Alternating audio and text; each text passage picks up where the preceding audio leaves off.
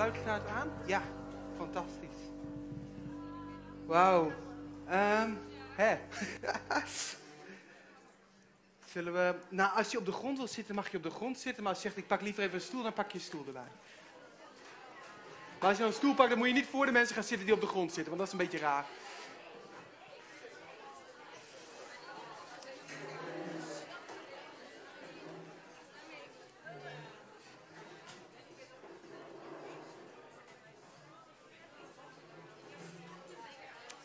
Yes.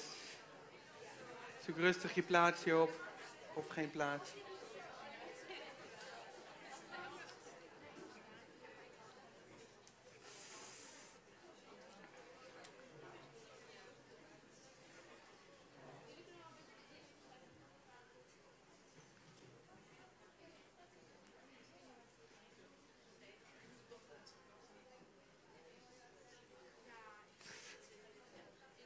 Yes.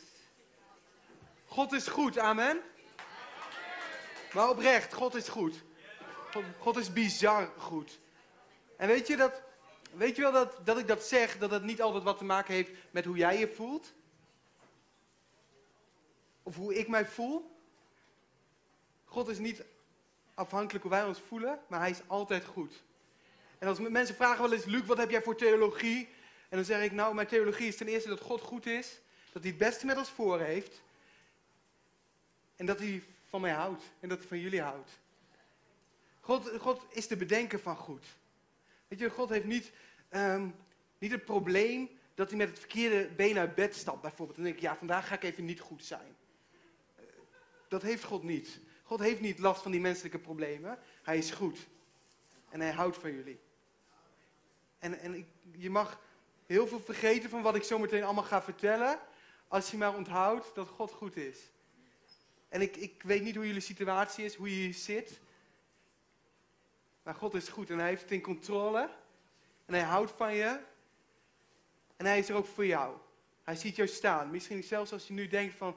Hé, hey, ik zie hier allemaal dingen gebeuren, maar er gebeurt niks met mij. God is daarbij. Die, die, die ziet jou. En weet je, het hoeft niet eens altijd te zijn als er voor je gebeden wordt. Weet je, ziet heel veel dingen gebeuren. Hè? En ik heb soms, ehm, soms de neiging om, om te kijken naar wat er uiterlijk bij mensen gebeurt. Als mensen omvallen of zo, of mensen gaan trillen, of heel hard huilen of lachen. Dan denk ik, wauw, die heeft een aanraking met God. En dan, als ik zelf eh, wordt voor mij gebeden en ik voel niks, dan heb ik de neiging om te denken, oh, dus God doet helemaal niks bij mij. Is dat herkenbaar voor sommige mensen? Ja? Dan wil ik jullie op dit moment van die leugen afhelpen. Als er voor je gebeden wordt en je wordt gezegend, dan gebeurt er altijd iets. Ik heb, ik heb momenten gehad hoor, dat, dat er voor mij gebeden werd en ik, ik vloog door de zaal heen en ik lag op de grond. Het is echt gebeurd en ik was hier heel sceptisch over. Ik, ik dacht echt van, dit vind ik raar. En niet alleen, alleen raar, ik dacht echt, dit is niet van God. Maar totdat het bij mezelf gebeurde. Maar ik denk dat het krachtigste gebed wat ooit voor mij gebeden is, op dat moment dacht ik dat er niks gebeurde. Het was op een conferentie en ik was daar eigenlijk als, als jongen, ik, ik kom uit een, um, een gereformeerde achtergrond, ik zit nog steeds in die gereformeerde kerk. Want ik hou van mijn kerk en ik geloof dat God mij met een bedoeling in mijn kerk heeft geplaatst. Maar ik kwam daaruit en, en ik, ik, op een of andere manier belandde ik op een evangelische conferentie. Het lijkt me een beetje op dit, maar dan met wat oudere mensen. Het was bij Heartbeat. Kennen mensen Heartbeat? Fantastisch. Ik, ik, ik was daar, ik, ik, kwam daar, want God zei, daar moet je heen. Ik wist niet dat het God was, ik had Gods stem nooit verstaan. Maar op een of andere manier had ik de overtuiging dat ik daarheen moest. En, en daar hadden mensen iets wat ik niet had. Ze hadden passie en ze geloofden echt dat ze vrij konden zijn van zonde. Dat je echt geluk kon hebben als je Jezus kende. En ik, ik kende God van de theorie, maar ik kende niet de God van zo dichtbij. En ze vertelden, dan moet je vervuld worden met de Heilige Geest. Want als dat gebeurt, dan zal je leven compleet anders zijn. Toen dacht ik, oké, dat moet ik hebben. Dus ik ben bij elke oproep naar voren gegaan. Ik was hongerig. En, maar ik dacht, er gebeurt niks, joh. Ik zat daar, de ene keer moest ik op mijn knieën en ik had pijn aan mijn knieën. Ik, ik hou er niet van op mijn knieën zitten. En, en een andere keer, toen bad iemand voor mij en die had geen smintje genomen of zo. Ik dacht alleen maar van, oh, wat heeft hij gegeten? Want dit is echt helemaal niks, joh. En, en hij praat iets van stromend levend water, wist ik veel wat dat betekende. Ik dacht van, nou, dit is nou ja, we proberen nog een keer. En weer ergens aan het gebeuren. En er gebeurde gewoon voor mijn gevoel helemaal niks. Er gebeurde wel dat er op die conferentie ook iemand was die over mij profeteerde. En wat is profeteren? Dat is letterlijk vertaald woorden van God spreken. En wij als kinderen van God kunnen zijn stem verstaan. En God praat tegen ons. Bizar, of niet? De God die hemel en aarde heeft gemaakt, die kiest ervoor om heel dicht bij ons te zijn. Die verlangt ernaar om bij ons te zijn en tot ons te spreken. Dus, en deze vrouw die kon woorden van God doorgeven, zeiden ze. Dus ik dacht, dat is vet, dat wil ik wel eens proberen. Dus er was zo'n rij en ehm, ik stond in die rij en ik, en ik kwam bij die vrouw. En echt waar, alsof die vrouw mijn Facebook had gecheckt, mijn LinkedIn had gecheckt, uh, mijn ouders had gesproken, ze wist alles van mij. En, en daarna wist ze ook waar ik heen ging, mijn verlangens. En, en, ik, en ik weet dat ik daarna op een bankje ging zitten en ik dacht, ik dacht shit, ik dacht, hij is echt en nu moet ik er wat mee. Ja. En nog steeds had ik die ervaring van mijn gevoel niet gehad. Maar mijn ouders die vertelden het vorige week nog tegen mij. We vergeten nooit meer dat jij terugkwam van die conferentie. En dat jij aan de keukentafel zat, jankend. Ik, was, ik heb drie weken lang, mijn situatie was niet veranderd. Ik zat in een rot situatie, een rot werkplek, rot mensen om me heen. Geen doel in mijn leven voor mijn idee. En ik zat op dezelfde plek, maar op diezelfde heftruck, waar ik als eerst met een zagrijnig hoofd zat, zat ik te janken en te lachen. Drie weken lang. Ik kon niks anders meer. En weet je wat mensen om me heen zeiden uit de kerk? Die waren echt heel opbouwend namelijk. Want die zeiden, Luc jongen, ik heet trouwens Luc, hoi. Maar dat zei samen bij elkaar. Die zeiden, Luc jongen, dat is nou het conferentiegevoel. Gaat wel weer over, zeiden ze. Ja, en ik spreek nog steeds wel eens, wel eens christenen die tegen mij zeggen van, van um, leuk zo jeugdig, ik was vroeger ook zo, dat gaat vanzelf wel over. Oké, als dat tegen jou gezegd wordt, het gaat niet over. Weet je, ik, ik ben zeven jaar verder, het is nog steeds precies hetzelfde. En ik heb echt wel mijn ups en mijn downs gehad. Maar die God is precies hetzelfde. Mijn leven is compleet veranderd. Dus laat je nooit vertellen dat dat weer overgaat. En bid voor die mensen die dat zeggen. Ja, echt waar. Dat is belangrijk. Ga, daar, ga daarvoor. Want, want God heeft een passie in jou gelegd en laat dat niet erover. Maar op het moment dat mensen dat tegen me zeiden, dan werd ik heel erg, dan werd ik juist fanatiek. En dan dacht ik, ik ga ze bewijzen dat het niet zo is. ik ging een bijbelschool doen en zo. Ik ging heel avontuur aan. Ik ga het vandaag trouwens hebben over genezing. Ja, ja. Ja, ik was toen net nog aan het twijfelen of ik misschien ergens anders over moest hebben. Maar ik ging een bijbelschool doen. Royal Mission School. Ik weet niet of iemand Royal Mission kent. Ik, maak nu wel heel veel reclame voor conferenties, hè?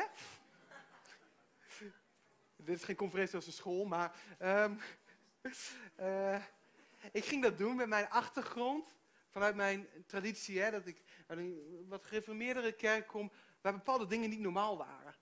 Bijvoorbeeld op die school, als ik hoofdpijn had, en ik vroeg me als prientje, dan vroeg ze heb je er wel voor gebeden? Dacht ik, hou op met dat gezeur, want ik heb gewoon een aspirintje nodig, dacht ik, weet je wel. En, ik, en ik, ik wist ook niet of genezing echt van God was. Want, want ik dacht, als dat dan echt van God was, dan had ik dat toch ook wel in mijn eigen kerk gehoord. Weet je, mijn dominee die, die zes jaar theologie heeft gestudeerd, die zal er dan toch wel iets over vertellen als dat, als dat van God is. En over andere dingen allemaal. Ik, ik, ik wist niet of dat van God was en ik was er ook heel sceptisch over. En ik vind het goed, ehm, ik ben blij dat ik dingen heb onderzocht. Maar op een gegeven moment werd ik zo onderzoeken dat ik niet meer durfde te genieten van wat God deed op dat moment. Mijn gedachten zaten in de weg van wat God wou doen. Ik zat zo in mijn knoop bij mezelf, ik kon niet genieten van wat God deed. En ik dacht, genezing, als dat niet van God is, dan is het van de duivel. Dus ik weet niet waar ze hiermee bezig zijn, maar dat kan echt niet. En ik, ik ging vragen stellen en ik ging onderzoeken en ik ging kijken van hoe werkt dat nou? En, op een gegeven moment kwam ik erachter, toen bedacht ik dit. Als ik geloof dat God sterker is dan de duivel, dat geloof ik. Ik weet niet wie dat nog meer gelooft. Ja, anders kunnen we zo voor je bidden. Want nee, maar oprecht, oprecht. Het is niet gek dat je in tijden als deze soms denkt dat je aan het verliezen bent.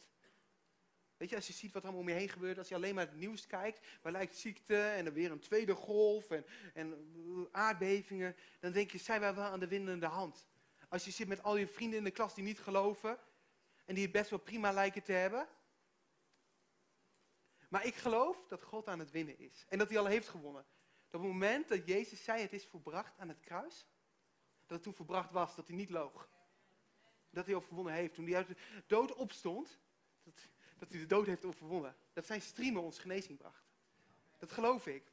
Maar oké, ik dacht, als ik geloof dat God groter is dan de duivel, en ik geloof wel dat de duivel geneest, hoezo geloof ik dan niet dat God geneest? Dat is best simpel, toch, om daarover na te denken zo? Ja, toch? Oké, ja. Nee, ik vind dat best wel een uh, goed argument. Dus ik ging het uitzoeken. En uh, ik weet één moment, toen gingen ze op onze school, gingen de studenten onder elkaar, gingen voor elkaar bidden als ze beenlengteverschil hadden. Ik weet niet of je daar ooit van had gehoord. Dat betekent dus, sommige mensen hebben, ik, ik wil je straks uitdagen als je straks beenlengteverschil hebt, laat voor je bidden. Want dat is een hele mooie manier hoe je ziet dat God werkt. Maar sommige mensen hebben verschil in lengte van de benen. En, en daardoor lopen ze wat krom en krijgen ze rugklachten. En dan gaan ze zo'n iemand op een stoel zetten. Ik, ik ben nog even aan het praten, jongens. We gaan straks gaan we allemaal praktijk doen, echt waar. Ja, want ik, ik hou ervan, hè? Gods koninkrijk is niet van woorden, maar van kracht. We gaan het zien gebeuren, want ik kan heel veel vertellen. Maar als we niet gaan doen, dan blijft het bij een leuk theoretisch verhaaltje. Ja? Oké. Maar dan gingen ze zitten, en dan gingen ze zo de benen naast elkaar, en dan, ja, jouw benen scheef. En dan gingen ze ervoor bidden, en dan groeide zo benen aan. En ik dacht van, oh, nou, dat weet ik niet hoor. Eh, en toen ging ik op YouTube zoeken en toen zag ik allemaal filmpjes hoe het uitgelegd wordt. Want dan trekken ze er gewoon eventjes aan, zeiden ze. En dat is allemaal niet, dat is allemaal een trucje. Dus de volgende keer toen ze deden, ik, eh, ik had ook een beenlengteverschil. Toen zei ik, oké, doe maar bij mij. Ik zal wel eens even bewijzen dat het niet echt is. Dus ik ging zo zitten. En zo'n meid, die was eigenlijk ook sceptisch, maar die zei, nou, dan bid ik wel. En, en die bid voor mij. En ik voel in één keer zo mijn benen te groeien. Ik, ik voel het gewoon, hè. En het werd warm en mijn been werd in één keer langer. Dat is bizar, of niet? Dat is bizar. En, en, en ik stond op en ik had gewoon het gevoel dat het scheef stond. Dat ik anders stond dan anders. Dat ik, ik dacht, wat is dit? En, en ik voelde me ook schuldig. Ik dacht, ik heb iets gedaan wat helemaal niet mag. Want ik dacht dat het niet van God was. En het gebeurde wel. Dus ik zat in een bepaald geloofsdilemma. Dus ik wist het niet meer. En ik, ik dacht, hoe ga ik dit thuis uitleggen? Ik, ik heb echt vijf, zes weken over gedaan voordat ik het thuis heb verteld. Omdat ik er als zelf in mijn hoofd achter moest komen hoe het werkte. Maar ik ben een bizar avontuur aangegaan met God. Want.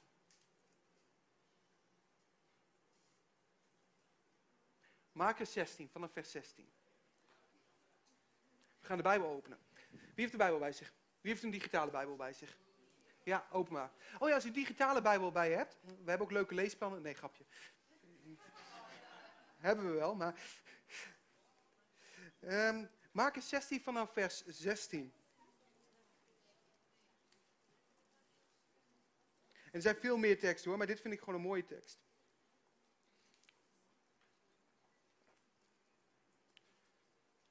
Mijn Bijbel heeft opstartprobleem, moet je even aandraaien.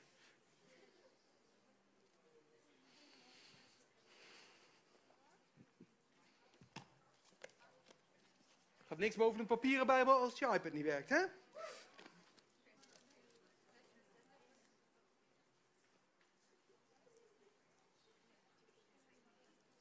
Jullie zijn er nog? Probeer op te schieten hoor.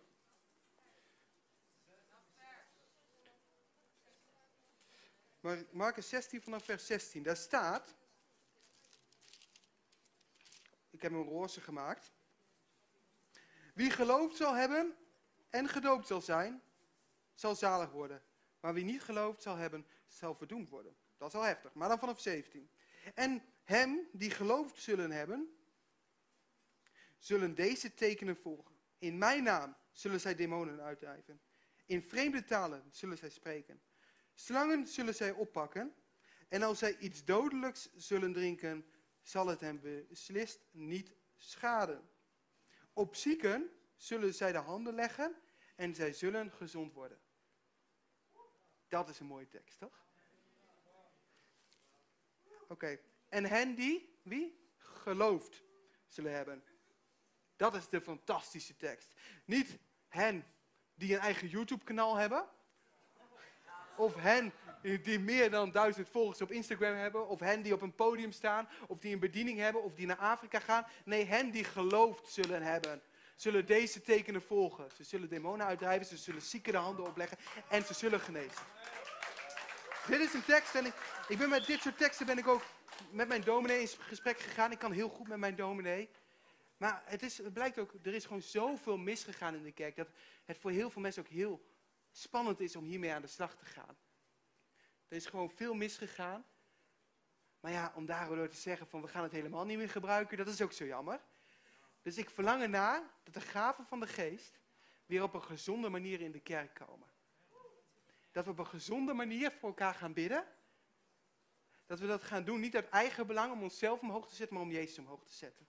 Dat we dat gaan doen uit liefde voor de ander. Als we het daarmee doen, als we het uit liefde doen en als we Jezus blijven zoeken, dan kan je daar heel gezond mee omgaan. Nog een tekst die heel vaak naar mijn hoofd gesmeten wordt. Ze zullen wonderen en tekenen doen in mijn naam. Maar ik zal ze zeggen, uiteindelijk, ik heb ze niet gekend. Dat zegt Jezus. Sommige mensen zullen zeggen, heb ik niet wonderen en tekenen gedaan in uw naam? En dan zal hij nog steeds zeggen, ik heb je niet gekend. En dan zeggen mensen tegen mij, oh, wonderen en tekenen mogen niet meer. Want Jezus zal zeggen dat ze die mensen niet meer hebben gekend. Oké, dan zeg ik, lees je Bijbel opnieuw. Want dit gaat erover dat je heel veel wonderen en tekenen kan doen. Maar als jij geen relatie hebt met Jezus, dan is het niks waard. Je kan heel veel gaan doen voor Jezus, maar ga bouwen aan relatie met Jezus. Dit is wonderen en tekenen. Dat zijn, die, die horen bij de charismata. Charismata. Ik weet niet wie hier uit een charismatische kerk komt. Oké, charismata. Zo noem je de gaaf van de geest. En daar zit het woordje gratis in. Charis. Dus dat betekent dat is wat je om niets ontvangt. Als kind van God, bam, kracht. Handelingen 1 vers 8. Wanneer de Heilige Geest over je komt, zul je kracht ontvangen. Ja, dat zegt niks over jouw relatie met Jezus. Je kan in hele grote wonderen lopen, maar je relatie met Jezus kan nog steeds echt heel slecht zijn. Dus als je iemand navolgt en je kijkt naar je dominee of zo, ga niet alleen kijken van is daar veel wonderen, maar kijk ook hoe, hoe is de vrucht? Wat doet hij nog meer? Hoe, hoe, gaat hij met mensen om? Hoe behandelt hij mij? Hoe praat hij met God? Dat soort dingen. En de kracht, fantastisch als, als daar iemand in wandelt. En als je zelf ermee bezig gaat, onderhoud je relatie met Jezus. Want dat is het belangrijkste. En als je als eerst met Jezus bezig gaat, kan je op de gezonde manier die kracht gebruiken. Kan je op een gezonde manier uitstappen. Ja. Oké, en ik zat dan in de kerk vroeger ook. En dan was er over die gaaf van de geest. En dan zat ik te denken, heeft er iemand in mijn kerk misschien zo'n gave? En hoe werkt dat dan? Ik kan jullie zeggen, jullie geloven allemaal. En ik hoop anders dat je je leven nog aan Jezus gaat geven. Vandaag. Het is niet te laat. Jullie hebben allemaal de kracht ontvangen om op zieken de handen te leggen. Ik zag nooit een wonder gebeuren voordat ik zelf iemand de handen oplegde. Dat is heel simpel. Maar sommige mensen denken, ja, waarom zie ik het nooit gebeuren dan? Dan zeg ik, voor hoeveel mensen bid je dan? Ja, nee, ik zie het nooit gebeuren. Dan denk ik, ja, maar ik, ik eet ook nooit wat voordat ik mijn mond open doe. Dus, we gaan risico nemen. Ga risico nemen. Ga gewoon voor iemand bidden. Leg een hand op iemand. En misschien gebeurt het wel. En misschien gebeurt er ook helemaal niks. Laten we gewoon vieren dat we risico hebben genomen, dat we gewoon voor iemand hebben gebeden. Dat we hebben gedaan wat God vraagt, God vraagt ons ook, hè? Om, om op zieken de handen te leggen. Hoe vet zou het zijn dat uiteindelijk de mensen weten van, hé, hey, ik moet naar een kerk toe als ik ziek ben. Ik moet naar een kerk toe als ik me angstig voel. Dat wij, dat wij weer de plek worden van hoop. Want dat, dat is de kerk. Echt zo. En het wonder is aan Jezus. Het enige wat wij hoeven te doen is een hand op een zieke te leggen en genezing uit te spreken. En, en door de jaren heen, joh, ik weet de eerste keer dat het bij mij gebeurde. Het was met mijn zus, zat ik samen in een genezingsdienst. Ik had haar meegetrokken, want ik zei van, joh, wat ik allemaal op mijn school zie gebeuren, dat moet jij ook een keer zien, zei ik, weet je wel. Ik zeg, ah, dat is bizar. Dus zij ging mee en zij was dan, nou, maar zij had echt al heel lang een wiples. Dat is als je in de auto, dat, nou ja, dat heeft ze in de auto gekregen. Ik weet niet of dat altijd in de auto gebeurt. Ik hoor het allemaal met mensen met de auto. Maar die kreeg een ongeluk en daardoor was er iets verkeerd geschoten in haar rug. Waardoor ze altijd pijn in de rug had. Ze kon niet normaal een trap oplopen, helemaal niks. En En in de genezingsdienst, toen zei de spreker, die zei van, oké, leg, leg maar iemand die ziek is een hand op en ga er zelf maar voor bidden. Toen dacht ik, oh nee, nu moet ik voor mijn zus. Ik heb liever dat die man dat doet, weet je. Die kan dat, die heeft dat vaker gedaan en zo. En ik heb het wel eens geprobeerd, maar het gebeurde nooit. En nou ja, ik dacht, nou ja, ik heel hard bidden. Gewoon echt in alle talen die je maar kan bedenken. Ik heb gewoon gebeden. En ja, en toen daarna zei ze, ik, ik durfde ook niet te vragen wat was gebeurd. Want ik dacht van, ja, ik heb gebeden en uh, we gaan gewoon weer verder zingen. Drie weken later appt ze mij. Ja, ik durfde nog niet zo zeker te vertellen, want ik wist niet zeker of het weg is. Maar het is weg. Ze kon weer normaal de trap oplopen. Weet je? En, en zo. Jezus, hè? Maar zo wordt het avontuur met Jezus avontuurlijk. Weet je, het is niet alleen um, in de kerk zitten, stil zijn, Bijbeltje lezen. Ja, fantastisch. Echt waar, de Bijbel gaat spreken op een gegeven moment. Echt prachtig. Maar het is ook het avontuur aangaan, dingen meemaken die andere mensen niet meemaken. En, ik maak, en, en dat was voor mij een startschot van ik wil meer van God ervaren. Ik wil meer van hem zien. En hoe zie ik meer van hem? Door uit mijn comfortzone te stappen. Je hebt zo'n plaatje, dan heb je zo'n grote cirkel, daar staat comfortzone. Dan heb je daar links ergens boven. Als ik een goed voorbereide dominee was geweest, dan had ik daar zo'n mooi beamerscherm, zeg maar. Maar dan heb je zo'n, en dan, where the miracles happen. Waar de wonderen gebeuren. Als je uit je comfortzone stapt, de plek waar je het zelf niet meer weet, daar gaat God werken. Echt zo. Wie was er uh, afgelopen jaar op de battle? Uh, afgelopen zomer, ja. Was, was er ook, waren jullie ook bij die genezingsdienst? Met een, ja. Nee, ik bedoel die daarvoor. Maar dat was ook een mooie. Oké, ik was naar de battle en ik dacht van, hoe gaan we dit doen? We mogen tieners de handen niet opleggen. Ik dacht, hoe gaat God nu werken? Want ik had helemaal geleerd handen opleggen en de mensen gaan genezen en zo. Ik dacht, hoe gaat dat werken? Ik dacht, ik dacht bijna, ik zeg af, ik ga het niet meer doen, want God werkt zo niet. En toen had ik het gevoel dat God tegen me zei. Als God spreekt, dan is het bij mij niet altijd heel duidelijk dat het echt een stem is van, hé, hey, weet je? Soms wel hoor. Maar meestal gewoon heel zacht in mijn hoofd. En hij zei, Luc, je bent weer in je box aan het denken. Ik had God weer in mijn box geplaatst van hoe hij moest werken.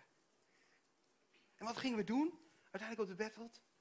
We gingen wat woorden van kennis delen. En dus dat je deelt wat je op je hart hebt, waar God misschien voor wil, uh, wil genezen. Soms dan heb ik een gevoel ergens pijn of zo. Maar... En toen gingen we iedereen die in de zaal was, want jullie hoeven geen afstand van elkaar te houden, voor elkaar laten bidden. En het effect was, wonder na wonder na wonder na wonder gebeuren. Echt zo. We, we zagen op een gegeven moment zagen we mensen rondrennen op zoek naar een zieke. Weet je? Ja. En ik had, tijdens de dienst had ik nog voor een meisje gebeden. Die zat thuis. Ik, ik had het gevoel dat er iemand in zijn onderrug pijn had. Maar ook echt heel erg. En een meisje had ik. En, en het was helemaal stil. En op een gegeven moment zeiden mensen: Dat is mijn groepje. Die, maar die zit thuis, want die heeft last van de rug. Ik dacht begrijpelijk als je last hebt van je rug. Maar toen zei ik: Oké, dan bid ik op dit moment in de naam van Jezus dat het geneest. Iedereen, oké. En toen zei ik: Oké, wil je even een appje sturen of het genezen is? Toen begon de hele zaal te lachen. Toen dacht Huh? Zei ik van, maar ik geloof het echt. Een dag later komt dat meisje bij getuigenis. Zegt, ik zat bij mijn tent. En ik kreeg een appje. En vanaf dat moment had ik geen pijn meer in mijn rug. Heel groot is groot waar je denkt. En, en wat er gebeurde. Er was zelfs een tiener. Die zag gebeuren wat er gebeurde in de zaal. En wat er gebeurde was. Die wist een, vriendinnetje van haar. Die had, die had last van een bepaalde uitslag op het gezicht. Eczeem of zo, ik weet niet. Maar die dacht, die ga ik gewoon facetimen. Dus die had er gefacetimed. En wat denk je? Volgende dag eczeem weg. God is groter dan je denkt, echt waar. Dit gebeurde allemaal in Nederland, hè? Gewoon.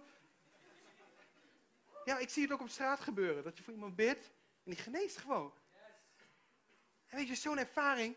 Ik kan met mensen discussiëren over God, maar dan kom je er niet uit. Maar als ze een ervaring hebben met God, dan zal, zal dat nooit.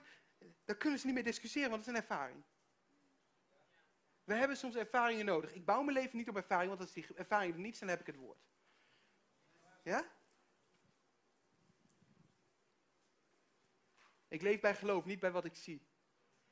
Dus ik wil ook geloven voor meer. Ik ga altijd ergens heen en ik zeg, vader, laat me iets nieuws zien. En ik geloof ook dat, dat deze God hier vandaag is. En dat we mogen gaan bidden. En dat mensen op dit moment die vandaag genezen zullen worden. Ik heb het zo vaak gezien.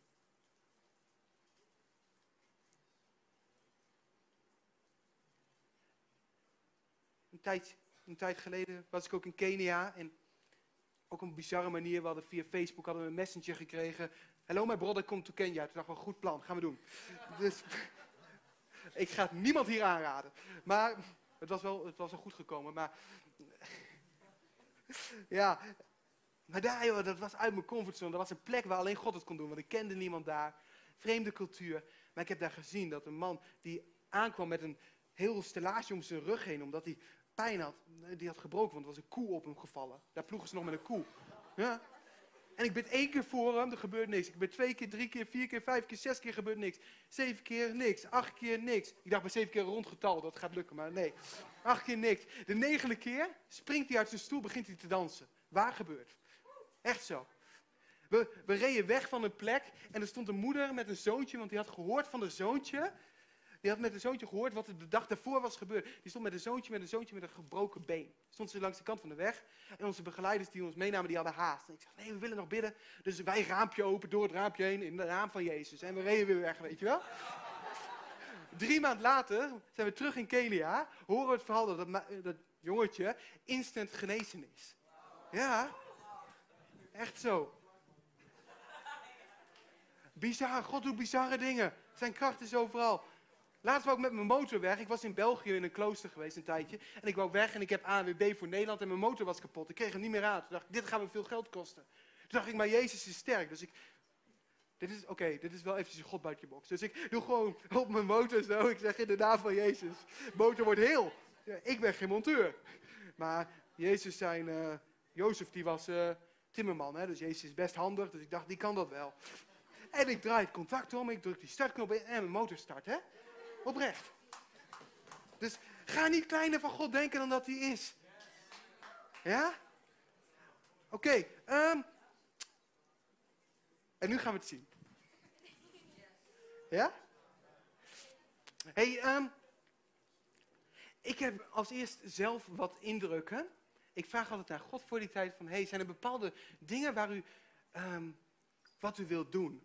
En dat is voor mij ook dus oefenen. Ja, mag wel. Mooi, zo'n piano voor de sfeer eventjes. Nee, God heeft geen sfeertje nodig. Maar het is wel fantastisch om je te focussen. Maar ik, ik, ik ben aan het oefenen in de gaaf van de geest. Dus ik wil ook een keer oefenen om naar Gods stem te luisteren. En dan vraag ik aan God, wilt u wat doen? En ik deed dat vanochtend op de motor. Je hoeft niet een stil plekje, ik doe dat dan op de motor. Want dat is een plekje, dat weet ik niet.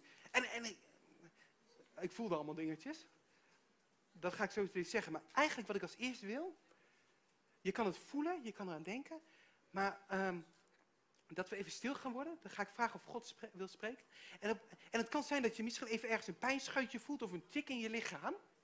En als je dat voelt, of je even naast me wil komen staan. Want dan gaan we oefenen om Gods stem te verstaan. Want hoe vet zou het zijn als je iets voelt en het blijkt voor iemand uit deze zaal te zijn. Ja toch? Dat gaan we gewoon oefenen. En, en eventjes een afspraak. We zijn hier dus om te oefenen. Dus als iemand hiervoor staat, is diegene per definitie een held. Want die kiest er op dat moment voor. Maar even serieus. Die kiest er op dat moment voor om meer van God te verlangen. En uit te stappen in geloof in wat God doet. En dan is niet eens het resultaat belangrijk. Maar het is belangrijk dat iemand een stap heeft gezet. Ik wil dat vooral meegeven. Ik was vorige week ergens aan het spreken en toen deed ik dit ook. En toen was geen één van mijn woorden raak. Ik had het nog nooit eerder meegemaakt. Maar geen één was raak. En ik dacht, dat voelt lekker. Gewoon heerlijk om gewoon... Ik ben ook aan het leren. Ja. Oké, we gaan stil worden. Dit gaan we als eerst doen. Vader, dank u wel dat u een God bent van relatie. Dank u wel dat u hemel en aarde heeft bewogen om hier dicht bij ons te zijn. En het enige wat we vragen is, spreek hier, wij luisteren. Bid dat u op dit moment op een plek in ons lichaam tikt waar u bij mensen genezing wil brengen. Ik bid dat u ons lichaamsdelen in het hoofd geeft. In de naam van Jezus.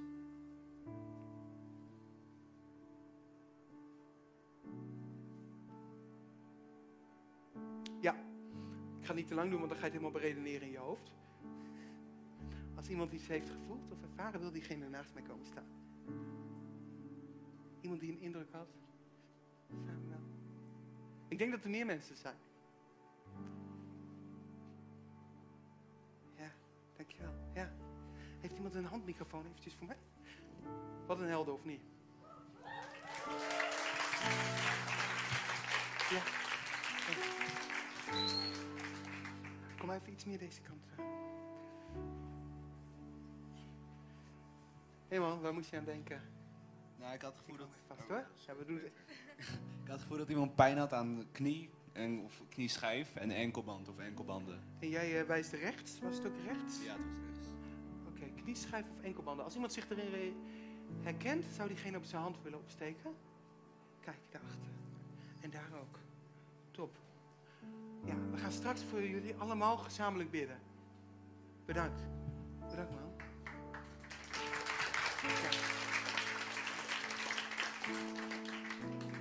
Oké, we zijn nu begonnen met klappen. Dus we gaan voor iedereen klappen. Ook als het niet klopt, gaan we klappen, want diegene heeft, is uitgestapt. Hey. Ik had een gevoel, ik had tintelingen in beide mijn knieën. Beide knieën? Ja. Oké. Okay. Iemand die zich in beide knieën herkent. Ja. En daar ook. Ja. Ja. Wauw.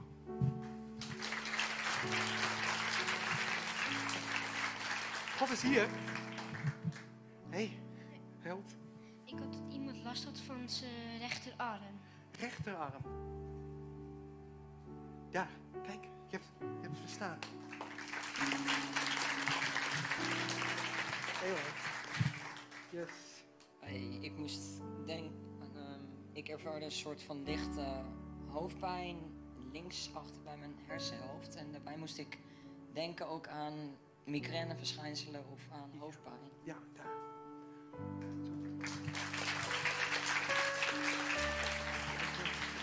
Hey. Hi. Um, ik moest denken aan de, de benen van iemand en vooral het linker bovenbeen. Of in ieder geval het linkerbeen. Ik weet niet of iemand zich daaraan herkent. Linkerbovenbeen. Ja, kijk. Ja.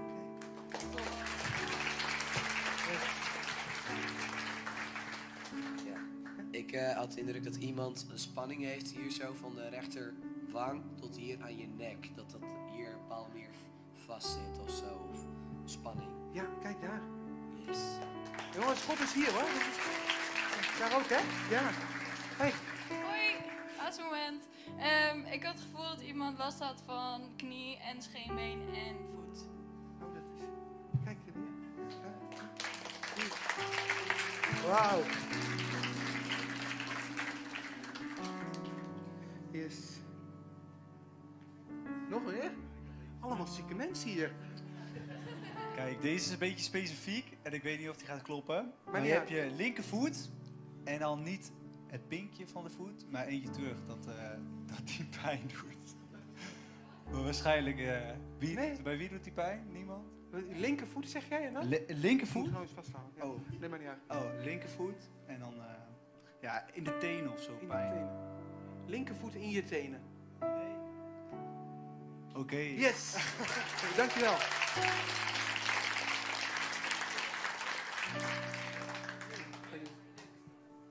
Oh, jij bent er... Sorry. Jij bent er ook nog, zeg ik.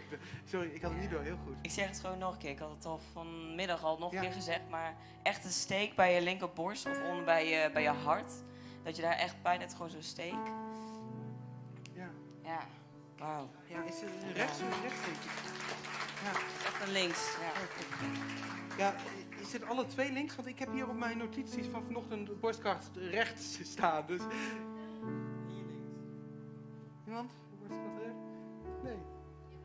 Oh, wel. Heb jij rechts. Top, ja. Oké. Even kijken. En ik had nog, dacht nog vanochtend aan de linkerpols van iemand. Ik was aan het... eh, van- ik zat hier, ik weet niet, ik zat daar vanochtend en toen kreeg ik in één keer een steek hier in mijn linkerpols. Zo, zo. Alsof dit bot, ik weet niet. Wie heeft er gebroken? Een keer gebroken. Heb je nog steeds last van? Jij wel? Ja? Oké, dan wil ik zo graag voor je bidden. En een rechterknie. Maar daar is al wat genoemd, hè, over knieën. Ja.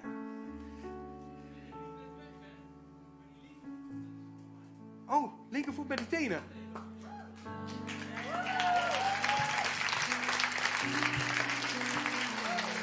Oké.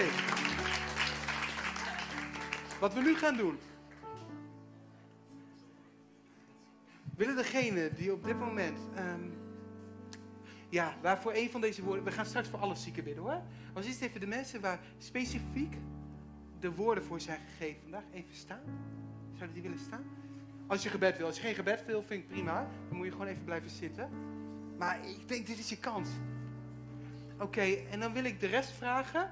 Als je graag een keertje wil zien dat God door je heen geneest. Of als jij gewoon daarin wil uitstappen. Om allemaal naar iemand toe te lopen die hier staat. En even te vragen of je voor diegene mag bidden. Ja, en jullie mogen ook naar mensen toe lopen. Ja?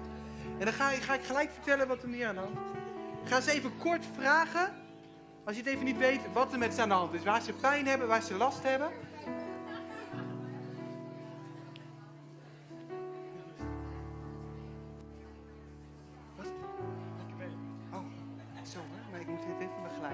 We gaan nog niet bidden. Eventjes, vraag ze even waar ze last van hebben en zo. En dan gaan we straks gezamenlijk voor ze bidden.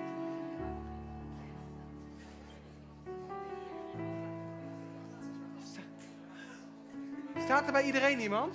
Steek even je hand op als je nog eh, mensen nodig hebt voor gebed. Kijk, Daniel daar, Amber daar zo. Anders eventjes dat de mensen even weglopen bij iemand anders. Dat tenminste twee bij iedereen staan. Nog één extra bij Daniel. Daar nog.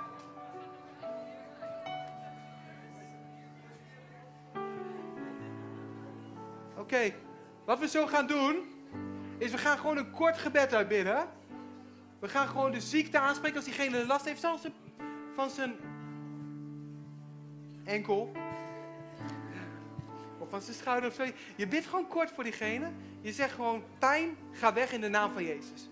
Enige wat je hoeft te zeggen. Of ziekte, ga weg. En daarna ga je vragen of het beter is. Als het beter is, ga je heel hard juichen met elkaar. Want dan ga ik vragen wat er gebeurd is. En als het niet beter is, bid je nog een keer. Let's go!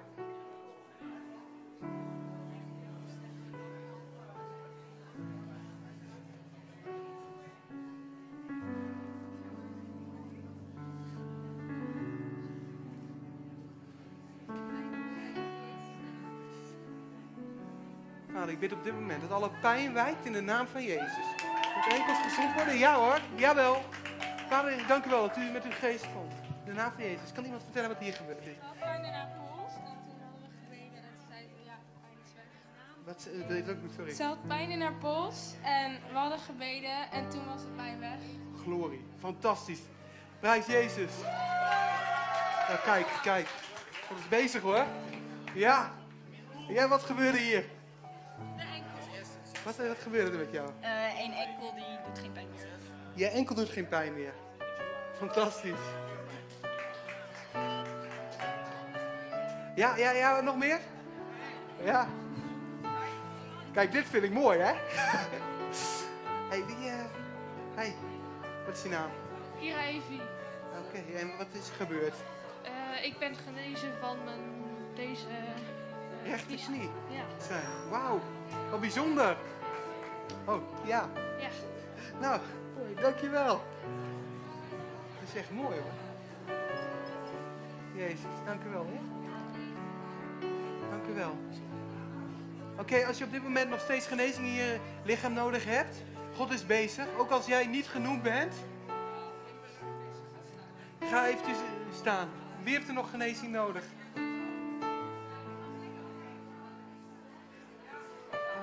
En nogmaals, genezing, weet je.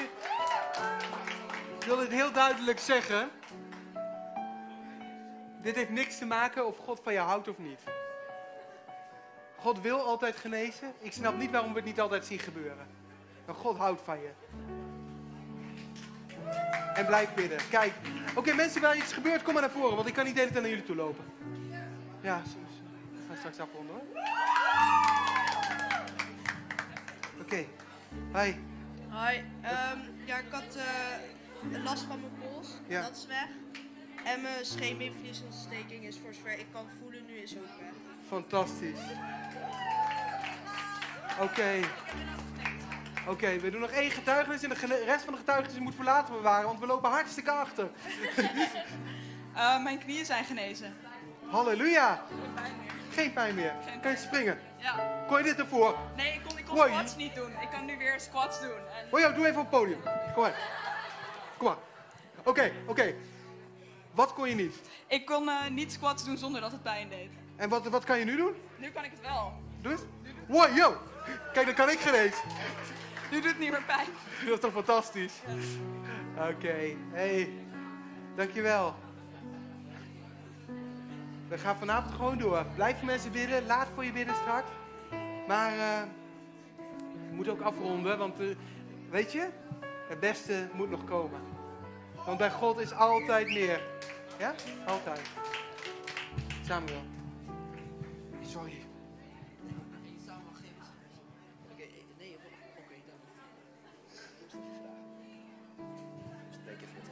Nou, wauw. Wie heeft er allemaal een wonder meegemaakt vanavond?